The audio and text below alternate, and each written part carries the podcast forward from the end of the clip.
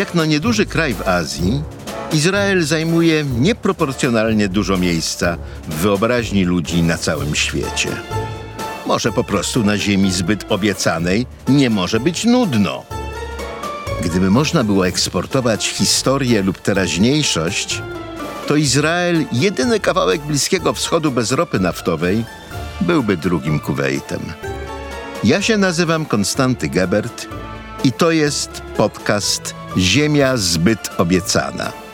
Mało jest ciekawszych miejsc na Ziemi.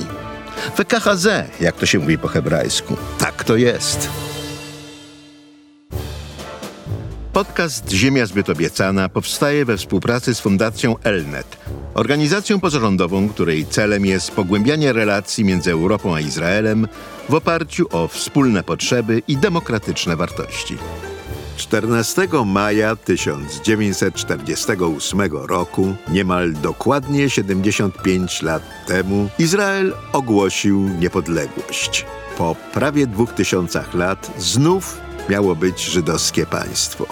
Dziś będziemy się zajmować tym, jak niezwykły to był dzień i niezwykłe były wydarzenia, które do niego doprowadziły.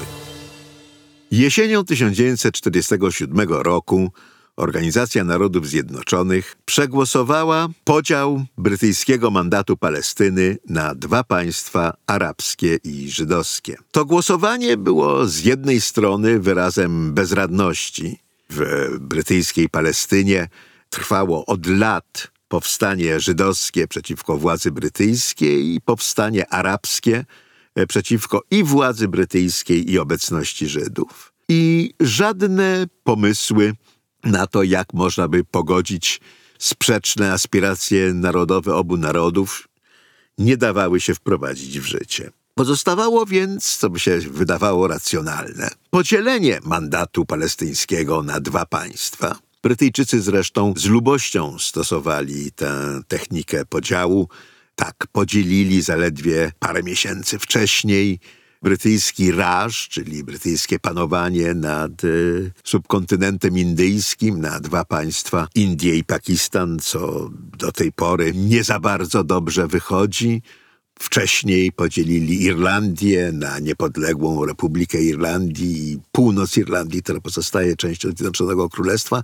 To też y, było obarczone licznymi problemami, acz trzeba przyznać, że wyobrażalne alternatywy dla podziału były jeszcze gorsze. Słowem, kiedy Zgromadzenie Ogólne Narodów Zjednoczonych podzieliło mandat palestyński, wydawało się to rozwiązaniem najmniej złym z możliwych. Żydzi odpowiedzieli na to entuzjazmem. Cała żydowska Palestyna tej nocy była na ulicach i tańczyła, a Arabowie powiedzieli, że nie uznają żadnego podziału, że nie będzie żadnego państwa żydowskiego i że ich odpowiedzią na ewentualną deklarację niepodległości będzie wojna. To sprawiło, że podstawowym zadaniem nowo powstającego państwa było przygotowanie się do obrony. Tyle tylko, że te przygotowania były dramatycznie utrudnione przez postawę władz brytyjskich, które inaczej niż wszędzie indziej, gdzie wycofywały się z kontrolowanych terytoriów, w Palestynie nie uznały żadnych władz sukcesorskich.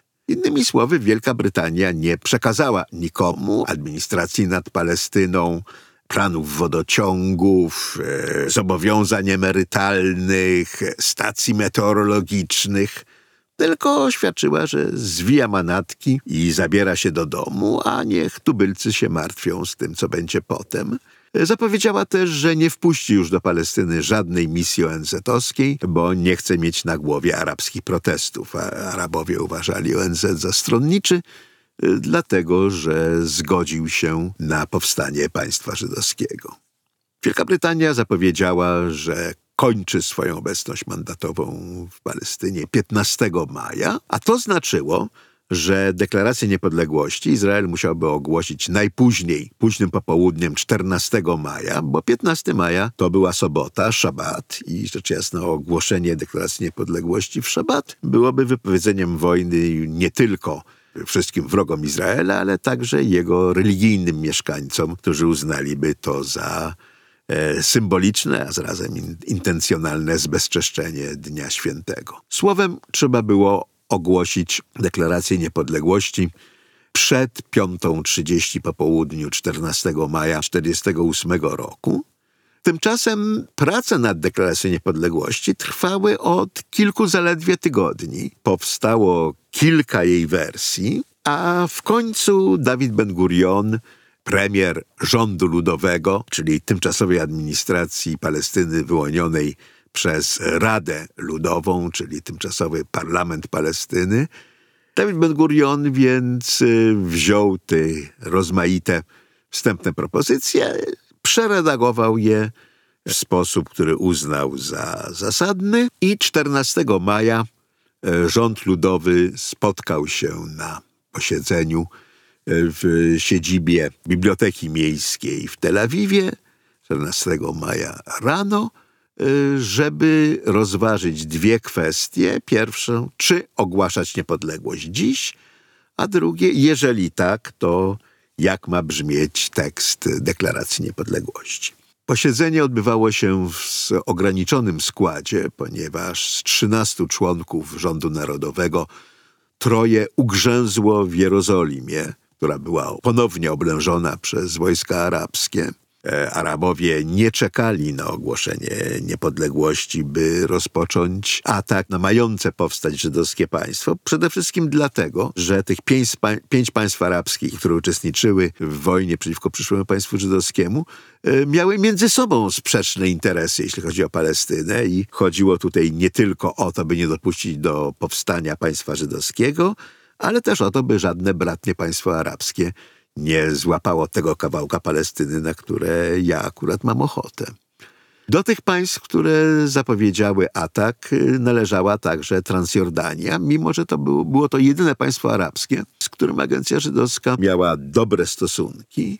W kwietniu Golda Meir, członkini rządu narodowego w przebraniu arabskiej kobiety udała się do Ammanu na rozmowy z królem Abdullahem, który z wielkim żalem powiedział, że nie może dotrzymać złożonej agencji żydowskiej wcześniej obietnicy, że nie będzie uczestniczył w wojnie przeciwko niej. Mówi, bo teraz już nie jestem sam, teraz jest nas pięciu. Jeżeli ja nie wezmę udziału w tej wojnie, no to mnie ze wszystkiego ograbią. Pierwotnym planem Abdullaha było zajęcie wszystkich ziem, które ONZ przeznaczyła na państwo arabskie i poszanowanie zaproponowanych przez Zgromadzenie Ogólne granic państwa żydowskiego, no ale w sytuacji, kiedy zrobiła się arabska wojna powszechna, Abdullah uznał, że nie może się już tego trzymać. Złożył z góry wyrazy ubolewania z powodu przelewu krwi i powiedział, że mam nadzieję, że się spotkamy my, czyli on, Abdullah i agencja żydowska, znowu w lepszych czasach. No to, to marzenie nie miało się spełnić. Abdullah został wkrótce potem, ale już po zakończeniu wojny, zastrzelony w Jerozolimie przez arabskiego fanatyka.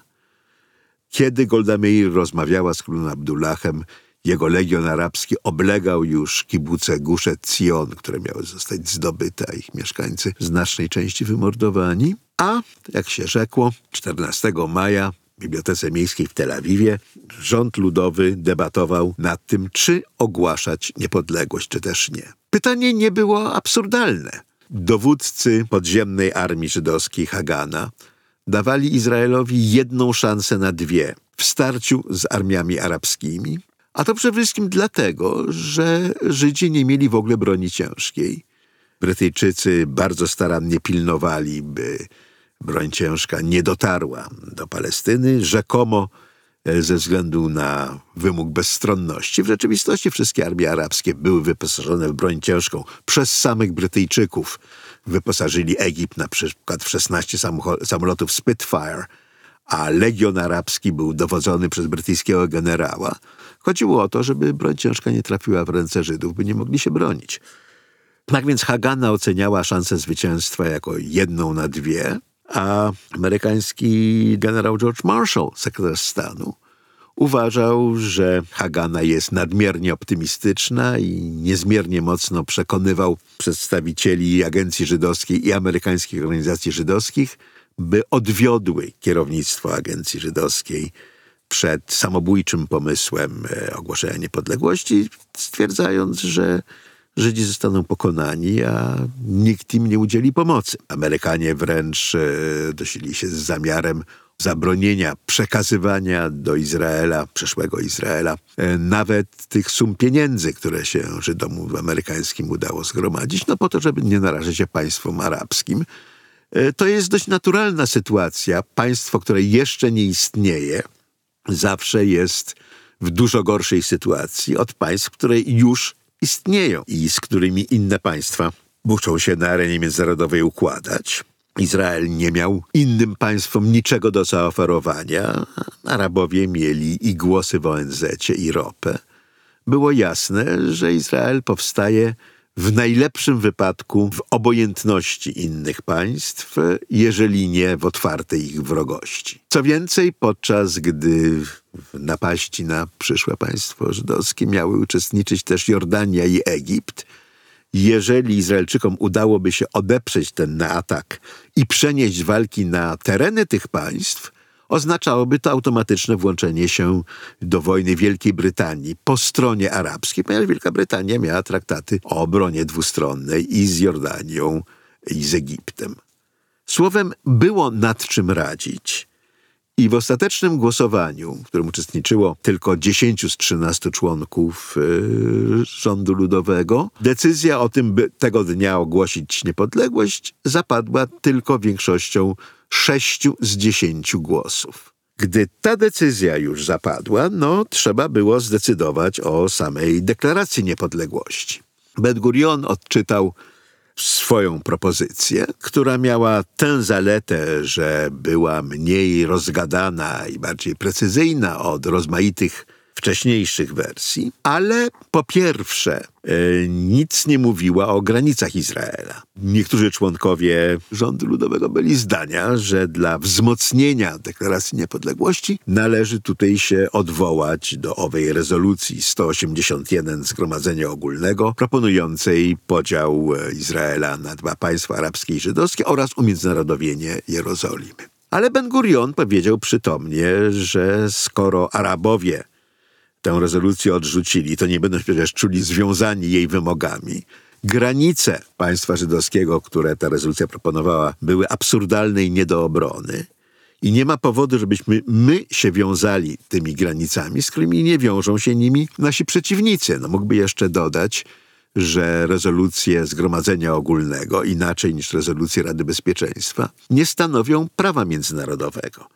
Rezolucja 181 była wyrazem woli politycznej państw członkowskich, ale nie stanowiła prawa. Innymi słowy, w sytuacji, kiedy e, państwa arabskie odrzuciły proponowane przez nią granice, te granice przestają istnieć. Powstaną jakieś inne granice utworzone przez wojnę, bądź też nie będzie granic wcale, jeżeli Arabowie pokonają powstające państwo i zepchną Żydów do morza. Tak więc kwestia granic została w deklaracji pominięta, powołuje się w niej na rezolucję 181, ale dopiero po historycznym prawie Izraela do swojej dawnej historycznej siedziby, bez ani jednego odwołania do Boga.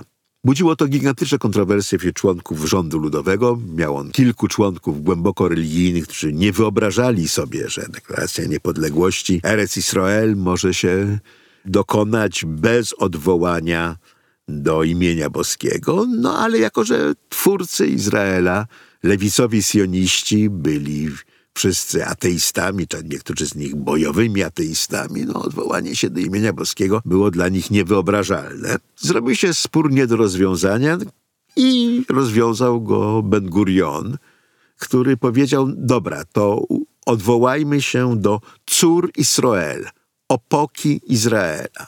Tylko błagam, nie pytajcie mnie, jak opokę Izraela rozumiemy i błagam, nie poddawajmy tego pod głosowanie. E, obie strony odetchnęły z ulgą, bo każda z nich e, mogła uznać, że wygrała. Cór Israel to jest jeden ze sposobów zwracania się do Boga w żydowskich modlitwach, ale nie jest to jedno ze standardowych imion Boga, a więc podczas kiedy religijni mogli uznać, że opoką Izraela jest Bóg, niereligijni mogli uznać, że opoką Izraela jest jego naród.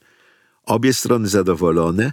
Jest to klasyczny przykład tak zwanej kreatywnej niejasności, w której spór rozwiązuje się w ten sposób, że pozwala się każdej ze stron uważać, że da się to zinterpretować jako jej zwycięstwo. Deklaracja sporo mówiła o historii narodu żydowskiego i historii rekolonizacji ziemi Izraela. W kwestiach politycznych była bardzo zwięzła.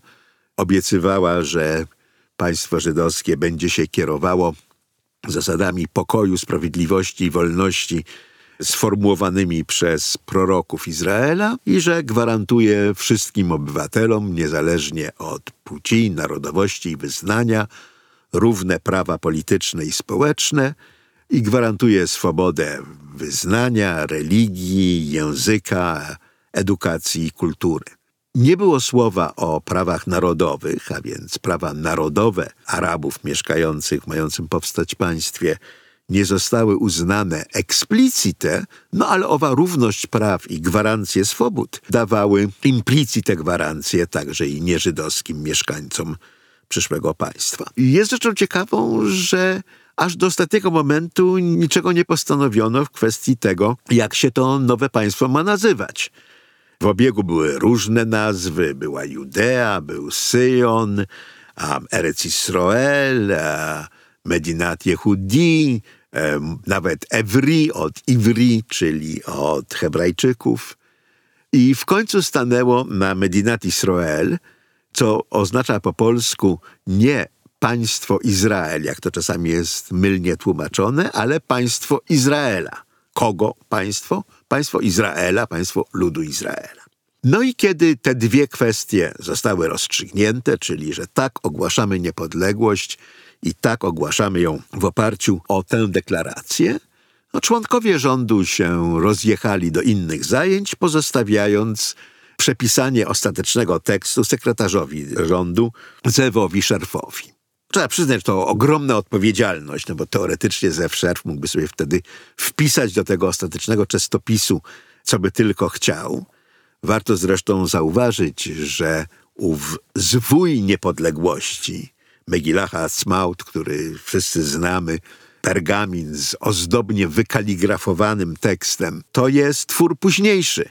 Szerf przepisał tekst deklaracji na maszynie na trzech kartkach papieru i te kartki papieru zostały potem przypięte do zwoju z papieru pergaminopodobnego, z którego Ben Gurion odczytał deklarację i są kadry dokumentalne e, z tego wydarzenia. Tyle tylko, że w ogóle mogło do tego nie dojść, bo jak szerf skończył przepisywać, no to okazało się, że oczywiście e, nie ma jak dotrzeć e, z Biblioteki Miejskiej do Muzeum Miejskiego, w którym w wielkiej tajemnicy miała się odbyć e, uroczystość odczytania Deklaracji Niepodległości, prywatnych samochodów nie miał prawie nikt, a nikt nie pomyślał, żeby zostawić jakiś samochód jemu do dyspozycji. Więc szerf wsadził do kieszeni te trzy kartki z tekstem deklaracji, wyszedł na ulicę i zaczął rozpaczliwie machać i zatrzymywać samochody.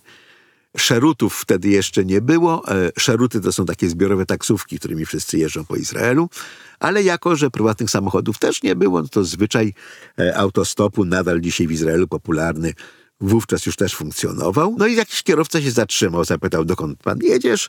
Szerf mówi do Muzeum Izraela, kierowca mówi, no to ja nie mogę, bo ja śpieszę się do domu, żeby posłuchać e, przez radio odczytania deklaracji niepodległości.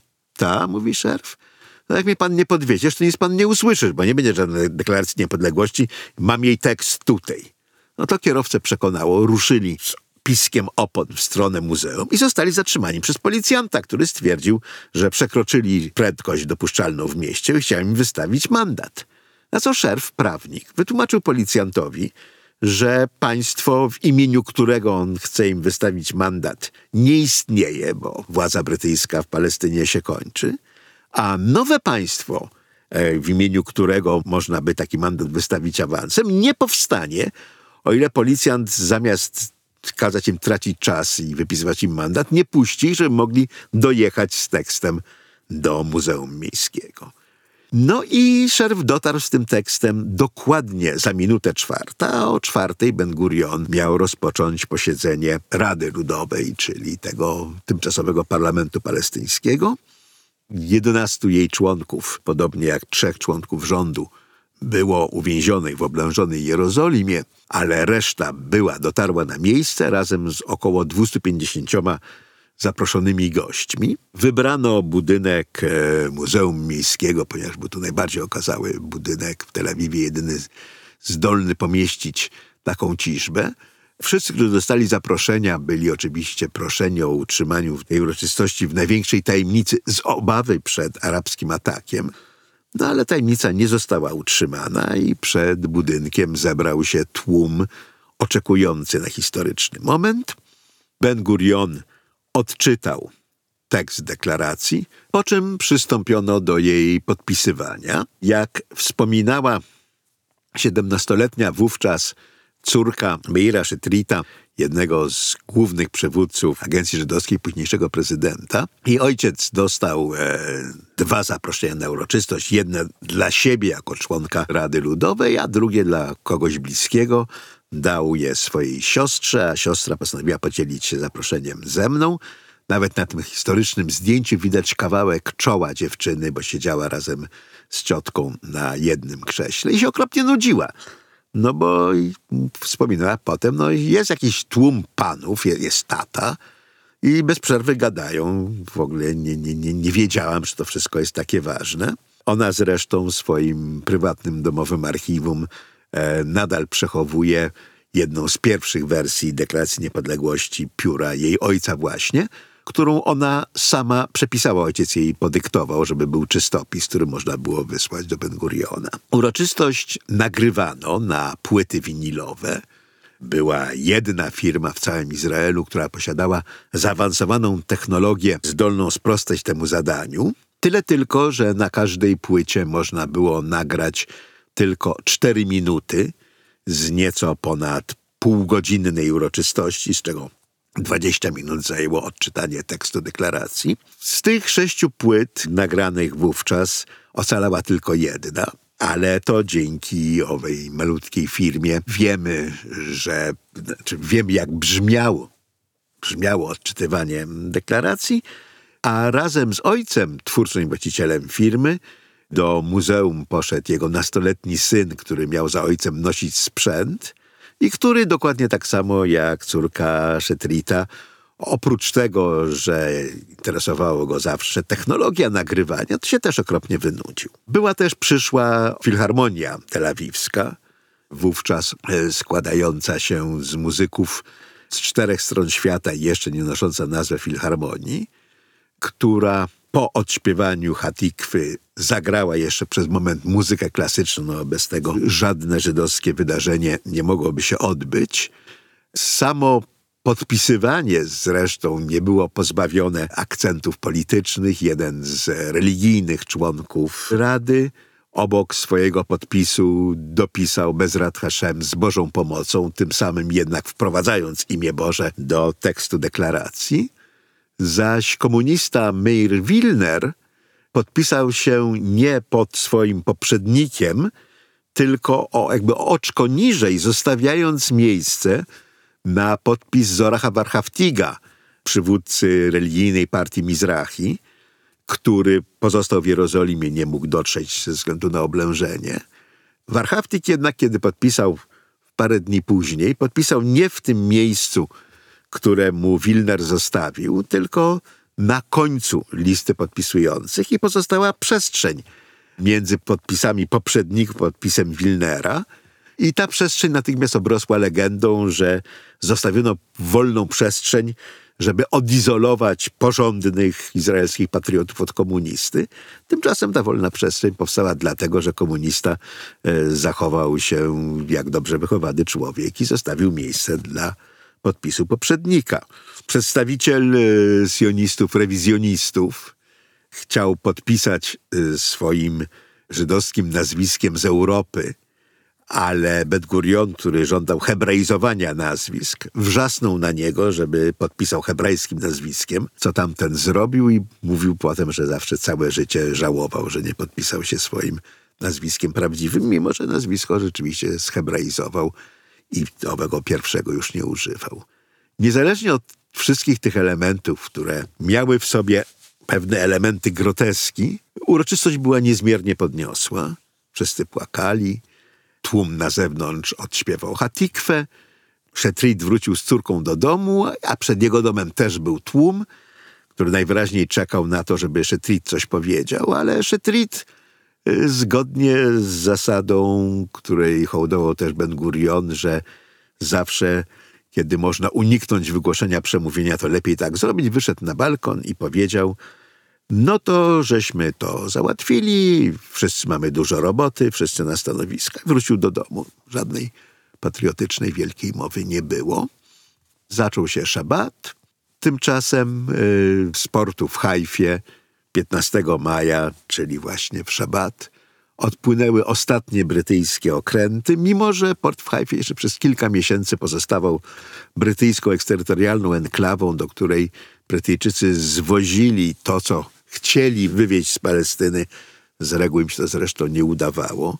W całym kraju e, rozgorzały już walki i zaczęły przychodzić pierwsze oficjalne informacje o uznaniu nowego państwa – Jednym z pierwszych, które je uznały, były Stany Zjednoczone, acz uznały je tylko de facto, to znaczy przyjmując do wiadomości fakt ogłoszenia niepodległości, y, ze stosunkami dyplomatycznymi, podobnie zresztą jak Francja i Anglia, y, wstrzymały się aż do stycznia następnego roku, kiedy było jasne, że państwo jednak przetrwało.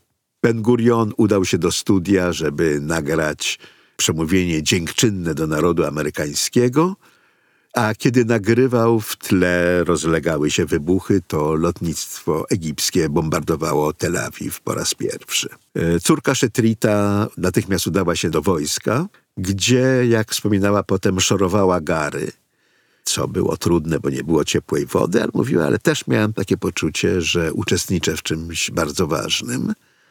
Zaś orkiestra e, telawiwska też udała się na front – żeby w przerwach między walkami umilać żołnierzom życie, koncertami Haydna i walcami Straussa. Nie, Wagnera nie grali, rzecz jasna. I chociaż deklaracja niepodległości została wygłoszona, pozostawała tym właśnie deklaracją. To, czy ta niepodległość rzeczywiście zostanie zrealizowana, zależało już nie od elokwencji Ben Guriona, tylko od siły frontów. Tymczasem, mimo że Hagana broniła się niezmiernie skutecznie, a żołnierze żydowscy byli dużo bardziej zmotywowani niż żołnierze arabscy, e, no, nawet najlepsza motywacja przewagi w sprzęcie jednak nie zrównoważy. Tymczasem statek wiozący pierwsze działa dla Hagany, przysypane ziemniakami i cebulą, bo oficjalnie to właśnie wiózł do Palestyny, został w dniu podpisania deklaracji niepodległości zatrzymany przez Brytyjczyków i odholowany na redę portu w Hajfie, gdzie Brytyjczycy zamierzali poddać go dokładniejszej inspekcji i te działa już nie zdążyły na czas na front. Zdążyły natomiast y, samoloty zakupione nielegalnie przez emisariuszy agencji żydowskiej na całym świecie samoloty z amerykańskiego demobilu. Wtedy rzeczywiście e, po zakończeniu wojny amerykański sprzęt wojskowy można było kupić bardzo tanio. Posługując się e, dokumentami wystawionymi przez życzliwego konsula Etiopii, e, emisariusze agencji żydowskiej kupowali ten sprzęt, który potem stacjonował na lotnisku w Libii, czekając na moment, kiedy będzie można E, przylecieć do Izraela. Bombowce były wyładowane do granic możliwości bronią i amunicją i wystartowały tak, e, żeby zdołać e, przekroczyć granicę Palestyny już po odczytaniu deklaracji, a więc w momencie, kiedy brytyjska władza już przestawała obowiązywać. Tyle tylko, że ktoś zapomniał sprawdzić różnicę czasów między Libią a Palestyną i kiedy przelatywali nad Egiptem, usłyszeli przez radio Ben Guriona odczytującego deklarację niepodległości, mogli byli wylecieć godzinę wcześniej i zaraz potem wiadomość, że wojska egipskie zaatakowały na Synaju, a oni lecieli nad Egiptem. e, samolotem, który wprawdzie był bombowcem, ale nie miał bomb, no ale miał masę sprzętu wojskowego. Więc y, zmienili trochę kurs, przelatując nad Kairem, skierowali się na lotnisko i zbombardowali lotnisko w Kairze, rzucając granatami przez e, dziurę w toalecie. Naród nie wyrządził wielkich szkód, ale no, zdumiał Egipcjan, który jako żywo nie przypuszczali, że Żydzi mają lotnictwo i to lotnictwo, które w godzinę deklaracji niepodległości jest w stanie zbombardować ich stolicę. To podniosło morale Izraelczyków, zdziwiło Egipcjan. Oczywiście wpływu żadnego na bieg wojny nie miało. Wojnę ostateczności rozegrało to, że Żydzi nie mieli gdzie się wycofać, no i że ciężka broń zabunkrowana w rozmaitych miejscach w Europie i w Afryce mogła wreszcie docierać, gdy ogłosili swoje państwo. Żydzi wygrali wojnę. Powstał Izrael w granicach innych, szerszych niż przewidywała deklaracja Zgromadzenia Ogólnego. Deklaracja, przypomnijmy, która nie miała mocy prawnej, tylko moc polityczną. Jerozolima nie została umiędzynarodowiona, lecz podzielona między dwie siły okupacyjne, jeżeli już tak to należy nazwać, czyli żydowską i jordańską.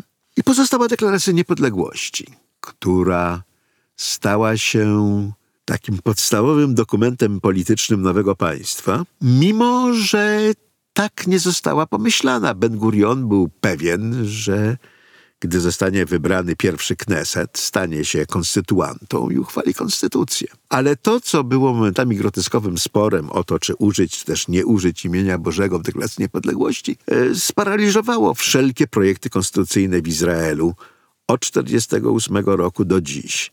Konstytucja nie powstała i w związku z tym deklaracja niepodległości na chybcika pisany dokument, którego głównym adresatem miała być międzynarodowa opinia publiczna, stał się założycielskim dokumentem prawnym Izraela, mimo że nie tak został pomyślany. To nie jest dokument pisany językiem prawnym, tylko publicystycznym.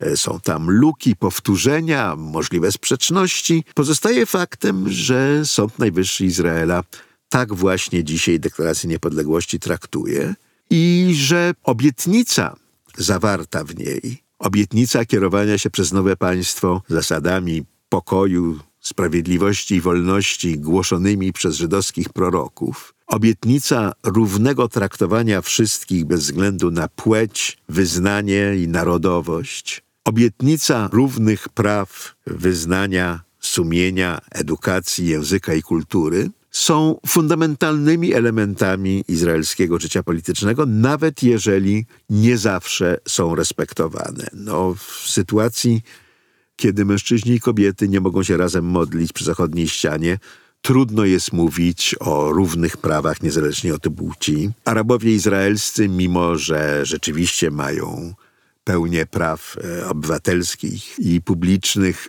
nie są traktowani porówno, co widać chociażby z alokacji budżetowych do gmin z większością arabską i z większością żydowską. Deklaracja niepodległości pozostaje w znacznym stopniu postulatem do spełnienia, a nie fundamentem trwałego gmachu. Ale to, czy ten postulat w ogóle ma szansę się spełnić, jest cudem. Generał Marshall miał rację. No, szanse, że ten Izrael w ogóle powstanie i przetrwa, nie były jedne na dwie. To był nadmierny optymizm.